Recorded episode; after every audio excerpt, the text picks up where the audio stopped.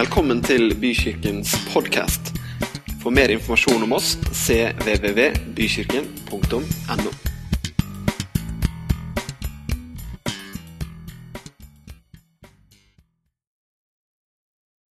Og vi takker deg, du som er den som sitter på tronen. Vi takker deg fordi at du er den som har all makt i himmel og på jord. Vi løfter opp ditt navn og Jesus, og vi takker deg for at du snakker inn i våre liv. Du taler inn i våre situasjoner. Og jeg vil ære deg og prise deg for at ditt ord, det er levende. Takk at vi kan få ta imot fra deg. Takk at vi kan få spise dine ord i dag, Herre, og kjenne at det finnes mat, det finnes liv, det finnes helse, det finnes retning. Det står at ditt ord er nyttig til alle ting, til veiledning, til oppmuntring, til formaning, til trøst. Vi takker deg, Jesus. Amen. Det er så bra at det endelig er søndag. Jeg har jo bytta jobb, vet du. Og fra å liksom eh, ha mange folk rundt meg hver bidige dag, så er det bare én dag i uka jeg ser mange folk. Og det er søndager. Så Det er derfor jeg er ekstra glad på søndager. Nei da. Jeg ser folk gjennom uka, og altså jeg er ikke helt isolert. Men en, en, liten overgang. Nå har jeg hatt 40 eh, ansatte rundt meg de siste sju åra, pluss eh, mellom 100 og 200 unger. Du er liksom vant til at det er litt folk rundt i gangene og et par, tre, fire, fem, seks, sju stykker som skal ha tak i deg av en eller annen grunn, osv. Og, og så plutselig så får man liksom en hel dag hvor du kan dykke ned i Guds ord, eller ja, andre ting. Det er, et, det et kjempeprivilegium, så jeg er veldig takknemlig for det. Men eh, en liten overgang skal jeg innrømme at det har vært. Vi snakker om veien videre. Det har vi gjort noen søndager nå. Og i dag så er det Veien videre tre. Det har vært noen andre også innpå her, men i, i de tinga som jeg har sagt, så er det nummer tre. Vi starta med å snakke om hvordan eh, det er så tydelig i Bibelen at Gud vil at vi skal leve livene våre ikke i en situasjon hvor alt står stille, men hvor han ønsker å vise mer av hvem han er, ønsker å føre oss framover, ønsker at vi skal lære å kjenne han mer. Vi har sitert Filipperne 1,6, hvor, hvor Paulus sier, 'Jeg er overbevist om dette', at han som begynte den gode gjerning i dere, han har tenkt å fullføre den. Herlig løfte. Kanskje du hadde tenkt å slutte. Han har tenkt å fullføre. Et annet sted så står det at de rettferdiges lys blir klarere og klarere inntil høylys dag. Vi snakka første gangen om hvordan du og jeg kanskje er kalt til å strekke ut livene våre litt. Teltene våre, som vi snakka om. Romme mer. Gå videre. Vi snakka forrige gang om hvordan vi på veien kan møte motstand. Hvordan djevelen har kommet for å ødelegge og myrde og stjele. Men Jesus har kommet for at vi skal ha liv. Hvis ikke du har hørt de som jeg nevnte, og andre, så ligger de ute på nettsiden vår, så du kan få med deg alle veien videre om du vil. Men i dag så skal jeg snakke om eh, noe som det står en hel masse om i Bibelen. Det er jo sånn at Det viktigste vi har i livet, hva gjør vi med det? Det mest verdifulle vi har i livet, hvis det er mulig, så prøver vi å ta best mulig vare på det. Vi forsikrer ting. Vi setter opp beskyttelse. Vi setter opp alarm. Vi kjøper dobbelt sett i tilfelle den ene går i stykker. Er med på tanken? Jeg snakka med en, en, en, terapeut som jobba med manuell terapi og andre ting. Han hadde forsikra fingrene sine for ganske mange kroner. For det var liksom levebrødet hans. Og jeg hørte om en pianist også som hadde forsikra fingrene sine for helt uhorvelige summer. For hvis de liksom røyk, da var det over og ut. Og vi tegner jo forsikringer som aldri før. Det er på hus og hjem og bil og sånn som vi alltid har gjort, men nå er det jo på alt annet også. Nå er det jo på bikkjer og unger og alt mulig. Unger og alt mulig. Da kan du da kan du ta inn alle de andre du har i bur hjemme, i den definisjonen. Men det viktigste vi kan forsikre, det viktigste du Og dette gjelder alle mennesker. Nå snakker jeg ikke bare til én av dere eller to av dere. Det viktigste du og jeg kan ta vare på i livet vårt, det er hjertet vårt. Ordet hjerte nevnes i Bibelen flere hundre ganger. Litt avhengig av hvilken oversettelse du leser, men opp mot 600 ganger så nevner Bibelen hjertet som noe viktig. I salmene så står det 'La min munns ord og mitt hjertes tanke være til være til velbehag for ditt åsyn, Herre. Hmm. Peter han snakker om hjertet, Paulus snakker om hjertet, Jesus snakker om hjertet, profetene snakker om hjertet. Det er som om de alle roper til oss. Hør her, folkens. Det er én ting som er veldig viktig, og det er hjertet ditt. Det er viktig med hjertet. Det er viktigere at det er godt med hjertet ditt enn at det er godt med noe annet i hele livet. I går så møtte jeg noen venner, og de, vi kom til å snakke om, eh, om en som vi, vi kjenner begge to. En mann som jeg tenkte at har et veldig godt hjerte, og det har han sikkert i utgangspunktet. Men vet du hva? Nå plager hjertet hans han så utrolig Ikke hans fysiske hjerte, det er ikke noe galt med rytmen eller klaffen eller noe annet. Men hjertet hans, hans innerste menneske, plager han så til de grader. For nå går han mot en godt voksen alder. Og så har han begynt å stille noen spørsmål om hva han har brukt livet sitt til. Og det plager han. Han har hatt stor suksess i form av penger og resultater. Men han begynner å lure hva har jeg gjort med livet. Det viktigste du kan bevare, det er hjertet ditt. I Ordspråkene fire så står det et vers som du skal få se, og som jeg skal få lese. Bevar ditt hjerte framfor alt du bevarer. Hvorfor det? Jo, for livet går ut fra hjertet. Nå vet vi at det er sant hvis vi bare tenker på kroppen vår. Og Når Paulus underviser om hjertet, så bruker han faktisk det samme ordet som det fysiske hjertet, kardia. Og vi vet at uten at hjertet fungerer i kroppen vår, så hjelper det veldig lite. Hva er det første du sjekker når du ser en person som har falt om? Du sjekker puls. Er hjertet i gang eller ikke? Du bryr deg ikke så mye om at stortåa er skeiv eller noe annet ikke er på plass. Du sjekker er det puls. For hvis det er puls, da er det håp. Så det her er henta fra manualen til førstehjelpspersonell. Bevar hjertet fremfor alt du bevarer. Det er det ikke. Det var en spøk. To, to stykker skjønte den. Men det er akkurat likt. Jeg snakker ikke i dag om det fysiske hjertet ditt. Det er det mange andre som er spesialister på. Jeg har faktisk en i slekta som er en av Norges fremste hjertespesialister, så han kan du få navn på, så kan du kontakte han. Men jeg snakker om det hjertet som vi kan kalle for det innerste mennesket. Det hjertet som vi kan si at er deg. Din personlighet, din karakter. Men hva er det som er så viktig med dette hjertet? Hm. Ofte så drar vi hjertet fram når det er snakk om kjærlighet. Valentine's Day, den fikk du vel sikkert med deg. Og brukte noen hundre kroner fordi handelsstanden fortalte deg at du skulle gjøre det. Men hva, hvor er hjertet så viktig? Akkurat, ja. Hvorfor er hjertet så viktig? Hvorfor er hjertet så utrolig viktig?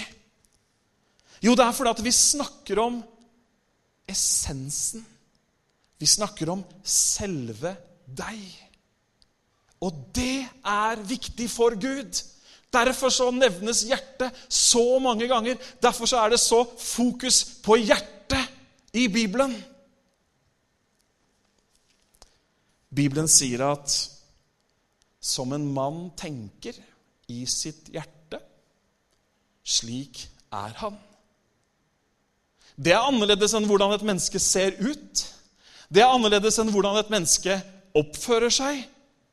Definisjonen på virkelig deg, den ekte deg, det er hvordan det er i hjertet ditt. Hm. Livet har flest hverdager. Visste du det? Du kan sjekke kalenderen din. Det er flest av de dagene med sort farge på tallet. Det er ikke så mange av de røde. Det er, det er flere ukedager enn det er helligdager. Og ting skjer i livet vårt. Sånn er det. Vi prøver ikke å fornekte det på noen måte. Ting, de skjer. Ulykken inntreffer. Uretten når oss. Sårbarheten vår blottlegges.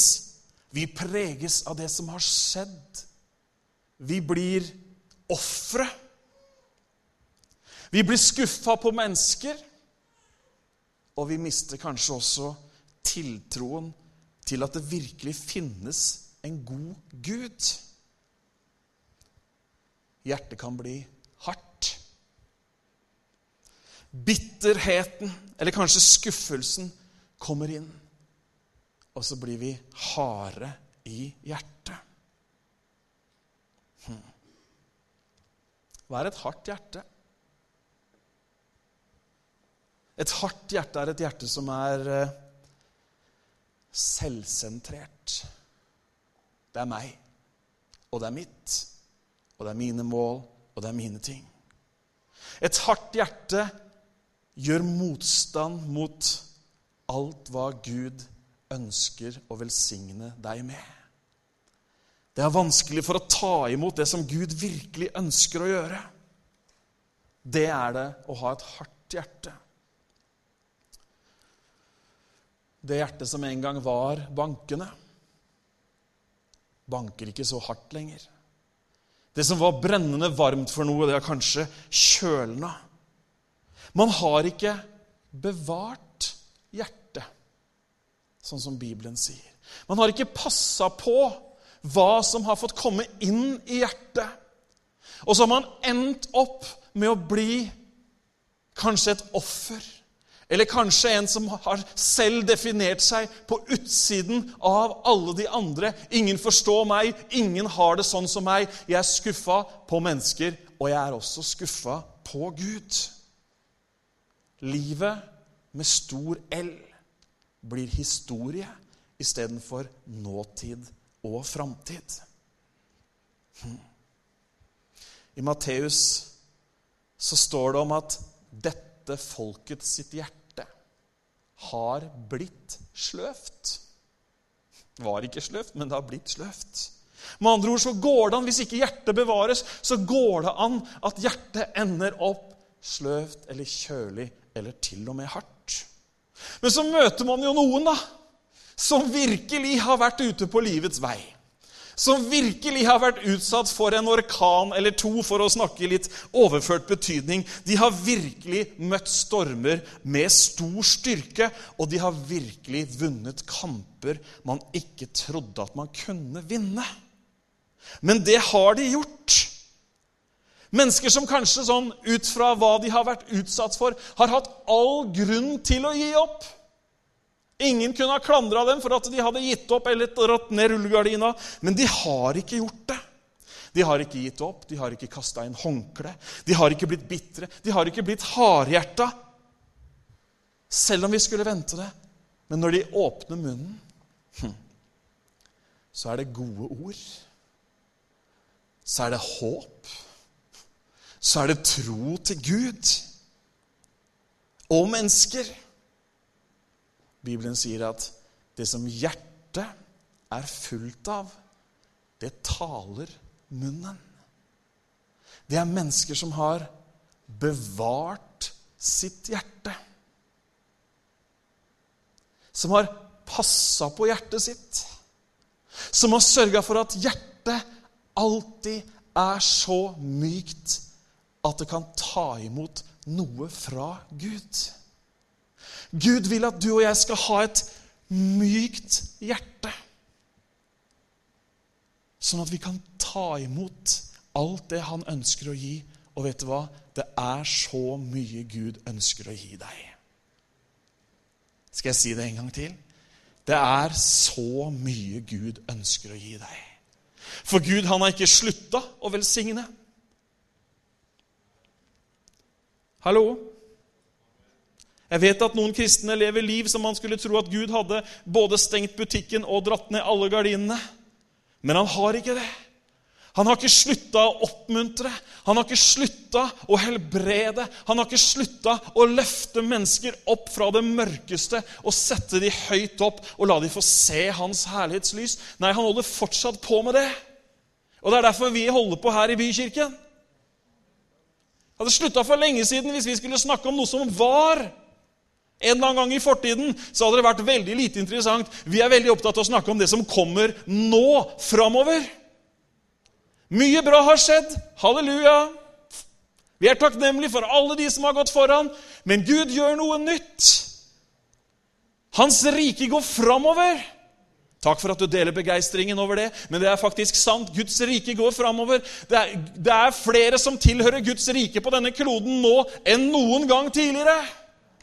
Det er større vekkelser i verden nå enn det har vært noen gang tidligere. Det er flere mennesker nå enn noen gang tidligere som gir livene sine til Jesus og sier, 'Vi lar det andre være. Vi følger deg, for du er verdt å følge, for du er livet.' Det er jo ingen som vil følge døden, vi vil jo følge livet. Men hvorfor er dette hjertet så viktig? Neste. Jo, jeg skal si to ting. Det er mange svar sikkert på det, men jeg skal svare to ganger på hvorfor hjertet er så viktig. Det første er at hjertet er så utrolig viktig fordi at Gud, han ser til hjertet. Ja, men han ser vel alt det andre også? Ja, men hovedfokuset hans er hjertet. Nå skal du høre en bra historie. Det var en eh, profet som het Samuel i Det gamle testamentet. Han fikk et oppdrag fra Gud. Han fikk et eh, såkalt headhunter-oppdrag. Israel trenger en ny konge. Dra til den familien, til den slekta, og finn den nye kongen. Samuel var en profet. Han hørte fra Gud, og han dro til Isai. Isai var fra Betlehem, og Isai hadde mange sønner. Han hadde i hvert fall åtte sønner. Og Så dro han og så snakka han med Isai, og så sa han at det er sånn at Herren han har sagt til meg at nå skal, vi, nå skal jeg salve en ny konge i Israel. Så nå vil jeg gjerne se hvem du faktisk har her. Og Isai han reagerer med å ta fram den største og den flotteste sønnen sin. Og Samuel, som var vant til å høre fra Gud og bli leda fra han, han glemmer hele Gud og hele ledelsen, og så tenker han ja, men dette blir veldig lett. Han står jo der. Han er jo råflott. Velutdannet, veltrent. Han ser jo allerede ut som en konge, selv om han står der knapt med klær på seg i det hele tatt. Kan du tenke deg å være i Samuels spor? Det er liksom full utbetaling for headhunteroppdraget på første fem minuttene. Der står han. Jeg skal slå opp og lese for deg. I 1. Samuel 16 så leser vi denne historien. Da, kom, da de kom, da sa alle sønnene inn, skjedde det at han fikk se Eliab. Da sa han, sannelig, rett framfor Herren står han salvede. Der er han. Nå er alt i orden. Men, står det. Det var det han sa. Men, sa Herren til Samuel, se ikke på utseendet hans eller på hans kraftige skikkelse, for jeg har forkastet han. For Herren ser ikke slik et menneske ser. For Herren ser, for mennesket ser på det ytre, men Herren ser til hjertet. Hm. Ser du det? Herren ser ikke slik et menneske ser. Mennesker ser på det ytre. men Gud ser på hjertet. Har du noen gang følt deg bedømt av noen mennesker i løpet av et par-tre sekunder når de møter deg? Har du noen gang fått den der følelsen Ja Ingen har fått den? Jeg får den støtt og stadig, og jeg aner ikke hvorfor. Ser de den nye skjorta, eller ser de at jeg har gått ned fem kilo i vekt? eller hva er det de ser? Men de måler meg i hvert fall opp og ned. Kan hende de tenker at 'oi, det var en flott type'. Eller så kan de tenke at 'han burde jo ta seg noen runder på tredemølla'. Jeg vet ikke. Men vi mennesker vi ser på det ytre. Vi vil gjerne ha en CV. En oversikt over livet i form av eksamener, erfaringer, kurs og annet førerkort og språkbeherskelse. Vi liker merittlister. Han har gjort det og det og det og det og det. Og det. Og det er nesten så vi liksom bøyer oss ned i ærbødig hilsen. Men det er gode nyheter til deg som føler at du blir bedømt av andre. Eller føler i alle fall at du er gjenstand for andre menneskers meninger. For vi har jo så utrolig mange meninger om alle mennesker. Ja, hun er jo sånn! Og når vi sier at 'hun er jo sånn', så gir vi ingen åpning i hodet vårt for at hun kanskje ikke er sånn. Vi er forutinntatte. Vi ser på det ytre. Vi bedømmer det vi ser. Men det er så fantastisk, for Gud, han gjør ikke det. Gud, han ser forbi alle de tingene, og så ser han til hjertet. Det er derfor hjertet er viktig. Jeg husker en gang jeg hadde innkalt et menneske til intervju. Og Når du skal innkalle til intervju, så kan du bare innkalle på bakgrunn av de papirene de har sendt inn. Og de papirene de var veldig gode. Og jeg tenkte egentlig ja, men nå har jeg løst den situasjonen. Nå har jeg fått et menneske med de rette fagene osv. Men hun falt igjennom på hjertetesten. Det er ikke mange ganger i, mitt, eh, i min karriere som, eh, som, leder hvor jeg har ansatt mennesker, og det har blitt ganske mange, og jeg har tenkt hva er det jeg har fått inn på kontoret nå? Men det tenkte jeg med hun. Det er helt sant. Og det var nesten sånn du tenkte hvordan kan vi liksom gjøre spørsmålene så kjapt at vi bare blir ferdig? For det er, det er ikke noe vits i. Jeg prøvde å se forbi papirene, men det var et hardt, surt bittert hjerte. Du vet Når du på et intervju forteller om alle konfliktene du står i hos nåværende arbeidsgiver Da åpner du ikke akkurat døra veldig, kan du si. Og fortsatt mener at jeg har rett! Ikke sant? Sympatien kom i hvert fall ikke fra meg den gangen. Men Gud, han ser til hjertet. Hm. Vet du hva? Han ser ikke på hvor prektig du er. Han ser ikke på om du har lykkes i livet, eller om du har mislykkes totalt. Nei, nå strekker du det langt, Bent Ove. Nei. Jeg sier det Guds ord sier. At Gud, han ser på hjertet. Vet du hva? Vi kommer til å bli overraska når vi kommer til himmelen. Du kommer til å møte noen i himmelen som i din virkelighetsoppfatning ikke har noe i himmelen å gjøre. På grunn av hvordan de har vært, eller hva de har gjort. Men det du ikke ser, og det jeg ikke ser, det er hjertet. Men Gud ser til hjertet.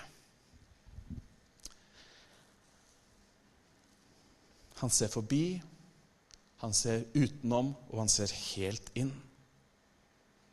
I Salme 44 så står det Dersom vi hadde glemt vår Guds navn og bredt ut våre hender til en fremmed gud, ville ikke da Gud finne det ut? Han kjenner jo hjertets skjulte tanke. at du har et mykt hjerte. For Gud er viktig. Fordi at Gud, han ser det myke hjertet. Jeg elsker å høre sånne historier om mennesker som verken har posisjon eller titler eller merittliste, men som Gud bruker på forunderlig, fantastisk vis. Det syns jeg er helt fantastisk. Det blir liksom et bevis for alle på at det er, det er nåden faktisk som gjelder. Det er nåden som holder. Hvorfor er hjertet så viktig? Hjertet er så viktig fordi at selve livet går ut, utgår fra hjertet. Akkurat som det fysiske hjertet må slå, må være i gang for at kroppen din skal leve på et eller annet nivå, så er det det samme med det åndelige hjertet, det innerste av deg. Det er når det hjertet lever, at du virkelig kan leve. Bevar ditt hjerte framfor alt du bevarer, for livet utgår fra det. Det som er fantastisk, det er at Gud, han kjenner alle ting. Han vet hvor du er. Og når jeg sier 'hvor du er', så mener jeg hvor hjertet ditt er en også. Han vet hvor du og jeg er hen, og han vet hvordan tilstanden er i våre hjerter. Og han vet at hvis han kan få lov til å slippe til. Hvis han kan få nå hjertet vårt, hvis han kan få rense hjertet vårt, så kan han bruke alt hva vi er, til ære for seg, og sånn at hans rike faktisk går framover.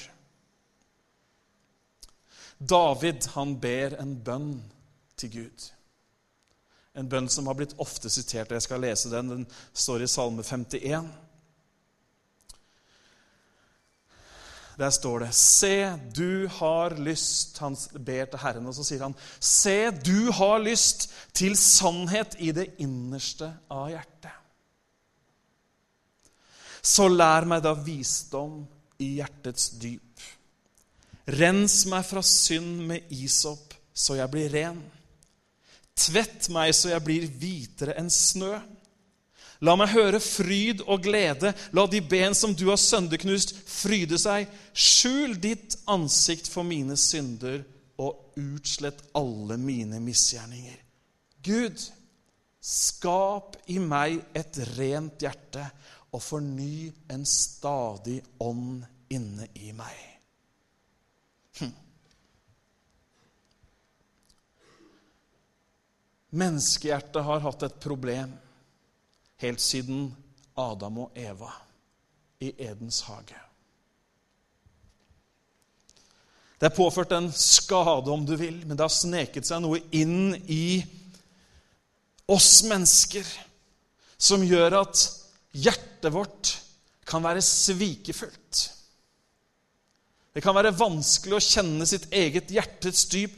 Og ikke minst så er mennesket, du og jeg, vi er ikke i stand til å forandre hjertet vårt sjøl.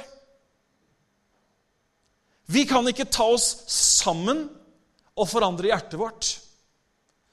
Det vi forandrer da, er bare konsekvensene av hjertet vårt, og vi prøver å liksom moderere oppførselen vår eller moderere de tingene vi gjør. Men Gud, han kan forandre hjertet fullt og helt. Gud har gitt oss et løfte i sitt ord. Han sier det i Esekiel, så sier han det at eh, Vi kan slå det opp, så vi får det helt riktig. Ja, jeg kan lese. Eh, det står eh, Jeg skal gi dere et nytt hjerte og gi en ny ånd i deres indre. Jeg skal ta ut steinhjertet det er, litt av, det er litt av et ord Gud sier til Jeg skal ta ut steinhjertet av kroppen deres, og så skal jeg gi dere et nytt hjerte som er av kjød, eller som er av kjøtt. Et hjerte som er mykt. Jeg skal gi dere min ånd inn i deres indre. sånn at dere følger mine lover, så dere følger mine dommer, så dere gjør det som dere faktisk skal gjøre. Hvorfor er hjertet så viktig? Fordi livet utgår fra det. Når Gud får lov å bytte hjertet vårt, når Han får lov til å forandre hjertet vårt, så skjer det noe med livet som er helt det som Gud har tenkt. Du og jeg, vi er ikke skapt bare for å leve 50, 60, 70, 80 år på jorda. Vi er skapt for å leve i all evighet sammen med vår Far i himmelen. Derfor er hjertet viktig, og Bibelen sier at livet utgår fra det. For det er nemlig sånn at det, den eneste måten å ta imot Jesus på, det er ikke at du forbedrer deg og blir prektig, blir flink, møter opp regelmessig og gjør en hel masse religiøse dyder. Nei, det eneste er at du sier med munnen din 'Jeg tror at Jesus Kristus er Herre', og at du tror det i hjertet ditt. Bibelen sier at med munnen bekjenner vi til frelse, og med hjertet så tror vi til rettferdighet. Og på den måten så blir vi hans barn. Skjønner du hvorfor hjertet er viktig? Fordi at det er i ditt innerste at du faktisk kan si 'Jeg tror'. Jeg tror at, Gud er, at Jesus er Guds sønn. Og jeg tror at han døde for mine synder. Og når du sier det med munnen og tror det i hjertet, så blir du et Guds barn. Et Guds barn! Har vi noen Guds barn her inne? Det er mange. Det er fantastisk at vi faktisk Det livet som Han har gitt oss, det er noe som du og jeg kan få ta imot. Vi kan leve i det. Og vi trenger ikke å ha sånne liv hvor vi liksom gradvis blir sløvere og sløvere i hjertet og ender opp med harde hjerter. Nei, vi kan ha et hjerte som er mykt. Et hjerte hvor vi kan høre hva Gud sier. Hvor vi kan kjenne at Han leder oss ved sin ånd. For dersom du bekjenner, din, dersom du bekjenner Herren Jesus med din munn og tror i ditt hjerte at Gud oppreiste han fra de døde, skal du bli frelst. Hvorfor er det viktig med hjertet? Gud, han ser hjertet. Derfor så er det viktig. Gud, han ser hjertet. Hvorfor er det så viktig med hjertet? Jo, fordi at det, livet ditt det dreier seg om om du gir hjertet ditt til Han eller ikke. Da er det et liv med mening. Da er det et liv med en hensikt. Da er det et liv med et perspektiv. Da er det, liv, da er det et liv med en evighet. Når du bevarer hjertet ditt mykt for Han. Og hvis ikke du har gitt hjertet ditt til Gud, hvis ikke du har tatt imot det som Han har å gi, så er det ingenting man trenger å vente på. Du trenger ikke å tenke at jeg skal bli litt mer prektig. Jeg skal få litt bedre skikk på livet mitt. Jeg skal ordne opp i en del greier og ting. Og så Så tror jeg jeg prøver. Da, da kanskje Gud tar meg imot. Nei, Gud tar deg imot nå. Gud tar deg imot i dag. Vi kan komme til Han nå. Fordi at det finnes ingenting som du og jeg kan gjøre for å fikse, trikse og ordne det til. Det er bare når vi av hjertet kommer til Han, at Han kan få slippe til. Skal vi bøye hodene våre, så skal vi be sammen til slutt.